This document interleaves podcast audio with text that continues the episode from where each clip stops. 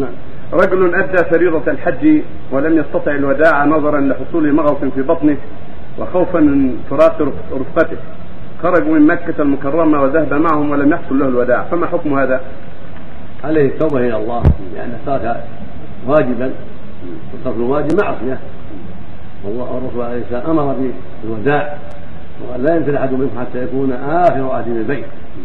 فهو عاص في هذا العمل فعليه التوبة إلى الله والاستغفار. وعليه دم أيضا يذبح في مكة للفقراء. يعني من ترك واجبا وجب عليه دم يذبح للفقراء.